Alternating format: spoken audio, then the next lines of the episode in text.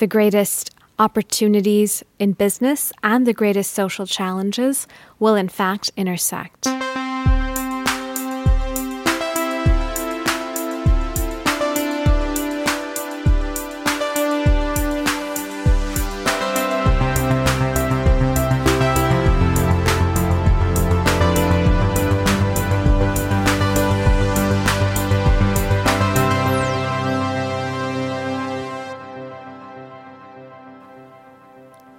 This is Heja Framtiden, a Swedish podcast on the future, but in English this time. Uh, today we'll meet Shiza Shahid, who's been working closely with the Nobel Peace Prize winner Malala Yousafzai. Uh, Shiza Shahid co founded the Malala Fund with the goal of helping girls in developing countries to go to school. Shiza now works with Now Ventures, which aims to facilitate impact investments for the benefit of our planet. This episode is brought to you in collaboration with Warp Institute and Singularity U Nordic Summit. Thank you so much for having us. My name is Christian von Essen. Find us on hejaframtiden.se, follow us on social media, and support us on Patreon if you like what you hear. Thank you so much for listening. Now, please welcome Shiza Shahid. Welcome to Heja Framtiden. Uh, Shiza Shahid, co-founder of uh, Malala Fund and Now Ventures. Hi, it's great to be here. You are here at uh, Singularity U Nordic Summit, mainly to talk about uh, impact investing. I'm here to talk about how businesses, and in particular business leaders, who are really the audience at the summit today, can play a role in shaping a future that is just, equitable, abundant and prosperous for everyone. Part of that is building businesses that are good for investors, but that are also good for the world. And I believe that more and more in the future, the greatest opportunities in business and the greatest social challenges will in fact intersect.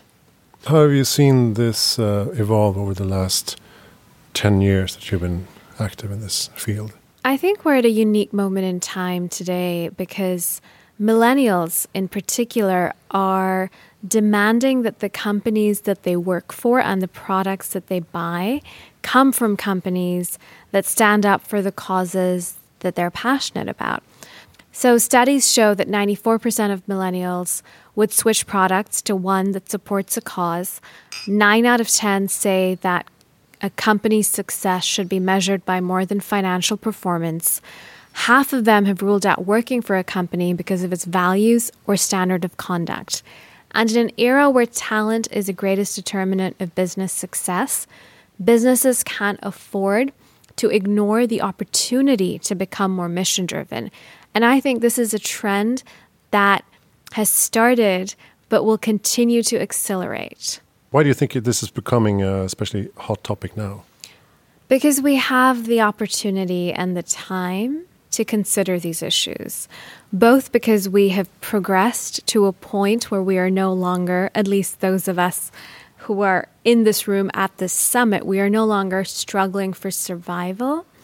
And we get to choose what we work on. And we want to work on something that makes us happy. And what makes us happy is feeling like we're contributing to the world. For another, we are facing unprecedented risks, whether that's climate change or the risk of nuclear war. And so we're also realizing that the stakes are high and we need to engage in real conversations about the role of business in creating a world where we can prosper. What kind of investments are you looking for? So I invest in mission driven startups. I also speak, write, and work with companies that are integrating mission into their business models, both small companies and large companies. From an investment standpoint, I'm focused on early stage startups, which means often two people with a big idea. And I invest early in their idea and I help them bring it to life. I've invested in a wide variety of startups, everything from healthcare to the future of work to social media, all of my investments to date have had at least one female founder, and 20% of the entrepreneurs I've invested in have been people of color. And so I'm also committed to ensuring that my investments go to a group of people that represent the global population. And uh, one of the goals uh, with Malala Fund is to uh, give girls access to education. Why, why is this such an important uh, target? Yeah, so before working on Now Ventures, I co founded the Malala Fund with Malala Yousafzai and her father, Ziauddin Yousafzai, and served as founding CEO. And we thought it was an important topic because today 130 million girls are out of school, and millions more are not learning anything of real value. And the fact that this is the status quo in the 21st century is shocking so we really need to accelerate progress on getting girls into school and on helping them learn something that will actually allow them to rise above poverty and live a life of dignity. And what happens? I mean, there must be other consequences when girls go to school for society. Absolutely. So, helping girls go to school is probably the single best way to end poverty. Because when a girl stays in school through secondary schooling, she marries later. She is statistically less likely to die in childbirth. Her children are statistically more likely to survive and to go to school. She is more likely to earn an income. And 80 to 90% of every dollar a woman earns, she invests back into her family and her community. It's typically 30 to 40% for men. So if there's a silver bullet in ending poverty, it's educating young girls. You come from the business side, right? You worked with the management consultant uh, agency like uh, McKinsey, right? I've worked in impact and I've worked in business and I've been an activist. So I've approached making a difference through all of the industries that I believe we need to mobilize to achieve our goals. But do you think you have a, an advantage in taking the business experiences into uh, the impact. Yes, absolutely. Area. That's that's why I focus now on the business side because it's really a culmination of everything that I've learned. And ultimately, trillions are traded in the financial markets every day. Nonprofits are a fraction of that. Nonprofits are beholden to their donors.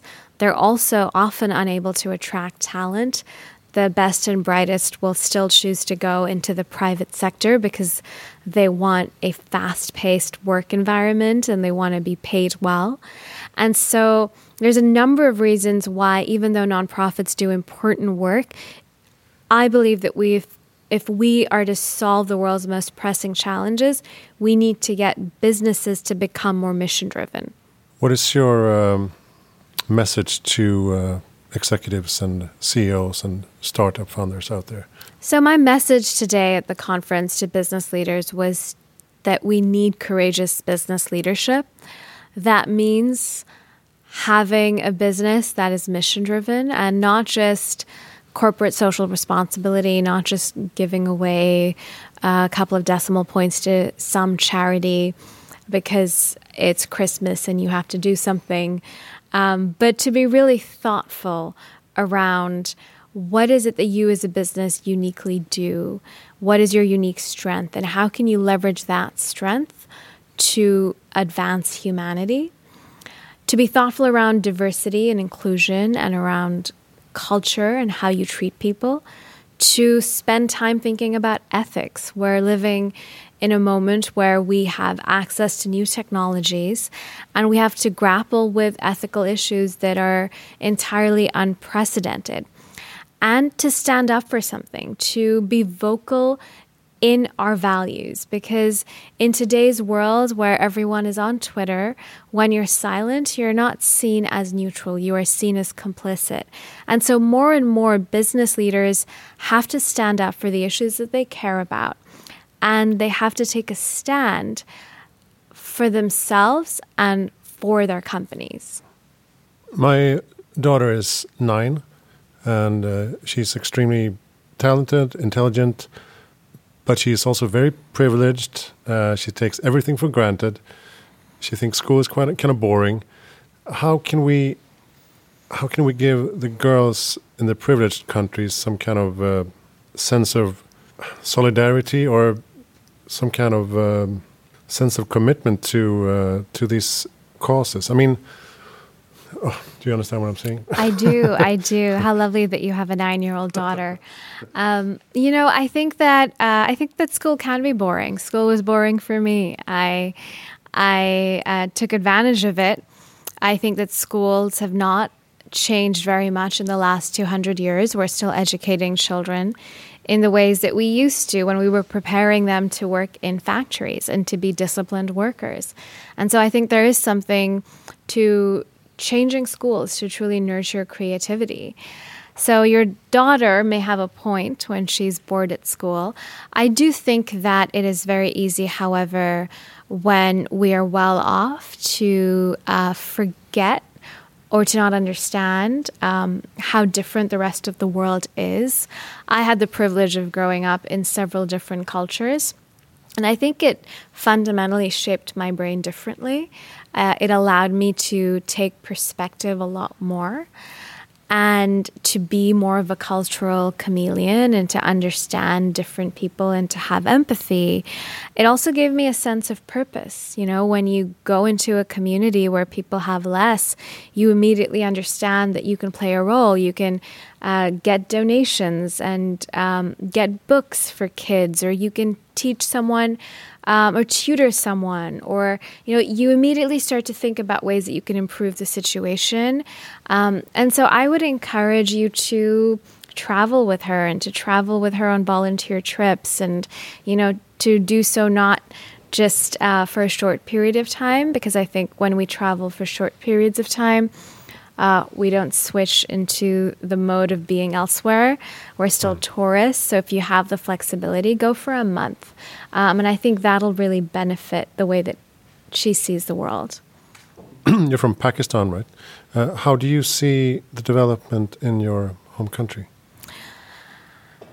It's a difficult question. Uh, Pakistan, um, I would say by and large, it's a young country, you know, since its founding in the 1940s has gone backwards in recent years. Um, that's been caused by a variety of factors um, poor governance, corruption, the declining geopolitical situation. Um, and so Pakistan's been dealing with a lot of social challenges. It's a very large country. It's now the fifth largest country in the world. So I think um, it's a country that the world cannot afford to ignore. And uh, the children of Pakistan are really being left behind. About 45% of the children are at risk of being permanently stunted due to malnutrition. And so there's a lot of work to be done there. And at this conference, we're talking about a lot of big ideas. And I think that's great. I think it's also important to remember that, you know, about half of a country's population is going to end up permanently stunted just because they didn't get the right food in the first two years of their life. In many ways, it's a simple problem to solve, but how do you solve that at scale? That's where the complexity comes in. But is it a political problem or a natural resources problem? It's a political problem. Um, it's a governance problem. It's, um, you know, Pakistan's also got areas where it has, in effect, um, lawlessness or it's dealt with civil wars. Um, it's now got the second highest number of children out of school, and so building up the capacity. Um, you know, it's a population control problem, it's an education problem. I mean, it's systemic, um, and so we have to break that cycle. Mm. Do, do, you work anything with, with Pakistan with your ventures? Um, I, I, have. You know, when I was um, co-founding the Malala Fund, we had projects there. I worked a lot on the ground there growing up. I go back still. My parents run an orphanage there, so I'm connected hmm. um, in many ways. Is there anything you want to end with? Um, I usually end my podcast with asking what kind of tip you have for uh, making the world a better place in general. Hmm. One tip for making the world a better place. I I think one tip for making the world a better place is to understand that the reason why so many of us who are in privileged positions are perhaps not as fulfilled as we would expect ourselves to be is because we're not directly contributing to making the world a better place. And that can leave us feeling very empty. I think a lot of us are curious about happiness and want to pursue happiness. And we think that that comes from material success or fame. But I think we undervalue how much happiness and satisfaction we get from helping others. And so that would be my tip, you know, find a way to directly feel connected to others and to and to help them um, and see how much uh, greater contentment and joy that brings into your life. Great. Okay, thank you so much, uh, Shiza Shahid. Um, check out nowventures.co for more information. Yes, or you can follow me on Twitter or Instagram at Shiza. That's at S H I Z A. Thank you so much. It's been a pleasure to be here. Thank you. Everything you need to know about the podcast is, of course, at hejaframtiden.se as usual. We'll be back next week with something completely different. Thank you.